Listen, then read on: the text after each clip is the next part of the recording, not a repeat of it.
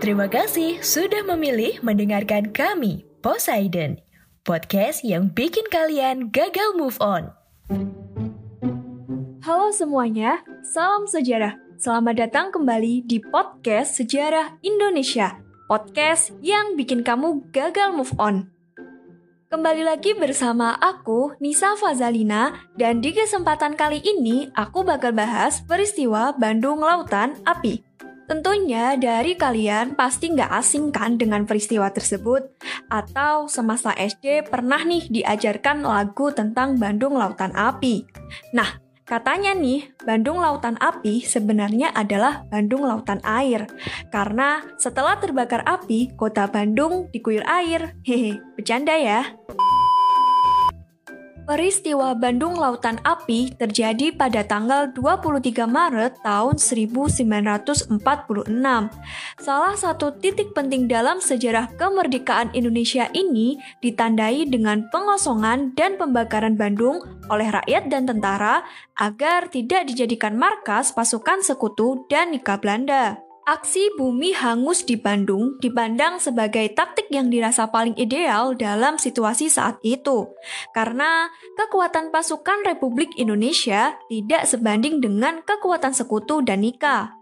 Bandung Lautan Api menjadi salah satu peristiwa paling heroik dalam sejarah mempertahankan kemerdekaan Indonesia dan diabadikan dalam berbagai bentuk karya seni seperti lagu dan film. Menurut Junet Pusponegoro dan kawan-kawan dalam Sejarah Nasional Indonesia 6 tahun 2008, menuliskan bahwa peristiwa Bandung Lautan Api diawali dengan datangnya pasukan sekutu atau Inggris pada 12 Oktober tahun 1945. Beberapa pekan setelah proklamasi kemerdekaan Republik Indonesia, pasukan sekutu yang tergabung dalam AFNEI atau Allied Force Netherlands East Indies datang ke Indonesia usai memenangkan Perang Dunia II melawan Jepang. Muhammad Uli Purwasatria dalam penelitiannya yang bertajuk Peranan Sukanda Bratamanggala dan Sewaka di Bandung Utara dalam mempertahankan kemerdekaan tahun 1945 sampai 1948 menyampaikan bahwa awalnya kedatangan mereka hanya untuk membebaskan tentara sekutu dari tahanan Jepang. Namun, ternyata Belanda atau Nika membonceng pasukan sekutu dan ingin menguasai Indonesia lagi, sehingga terjadi perlawanan dari prajurit dan rakyat Indonesia. Untuk kronologi peristiwa Bandung Lautan Api, yakni pasukan sekutu mulai melancarkan propaganda. Rakyat Indonesia diperingatkan agar meletakkan senjata dan menyerahkannya kepada sekutu pihak Indonesia tidak menggubris ultimatum tersebut. Angkatan Perang Republik Indonesia merespon dengan melakukan penyerangan terhadap markas-markas sekutu di Bandung bagian utara, termasuk Hotel Human dan Hotel Preanger yang menjadi markas besar sekutu pada malam tanggal 24 November tahun 1945. Kemudian pada 27 November tahun 1945, Kolonel McDonald selaku Panglima Perang Sekutu sekali lagi menyampaikan ultimatum kepada Gubernur Jawa Barat, Mr. Datuk Jamin, agar rakyat dan tentara segera mengosongkan wilayah Bandung Utara. Peringatan yang berlaku sampai tanggal 29 November 1945 pukul 12.00 WIB harus dipenuhi. Jika tidak, maka sekutu akan bertindak keras. Ultimatum kedua itu pun tidak dikubris sama sekali. Beberapa pertempuran terjadi di Bandung Utara dan pos-pos sekutu di Bandung menjadi sasaran penyerbuan.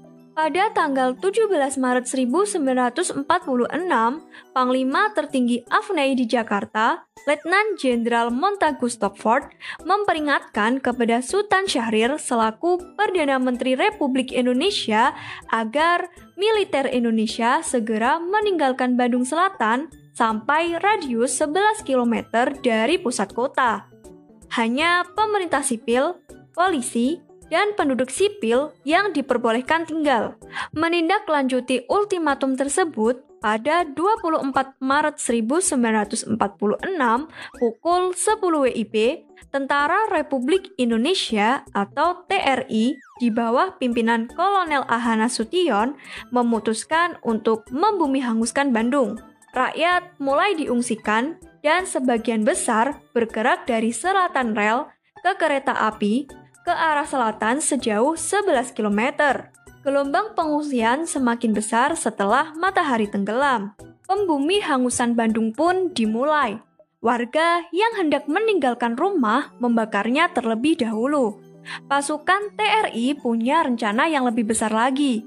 TRI merencanakan pembakaran total pada 24 Maret 1945 pukul 24.00 WIB. Namun, rencana ini tidak berjalan mulus karena pada pukul 20.00 dinamit pertama telah meledak di gedung Industrial Restaurant.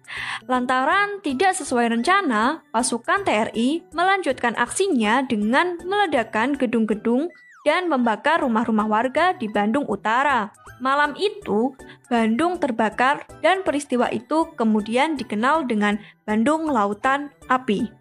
Nah, begitulah kronologi peristiwa Bandung Lautan Api.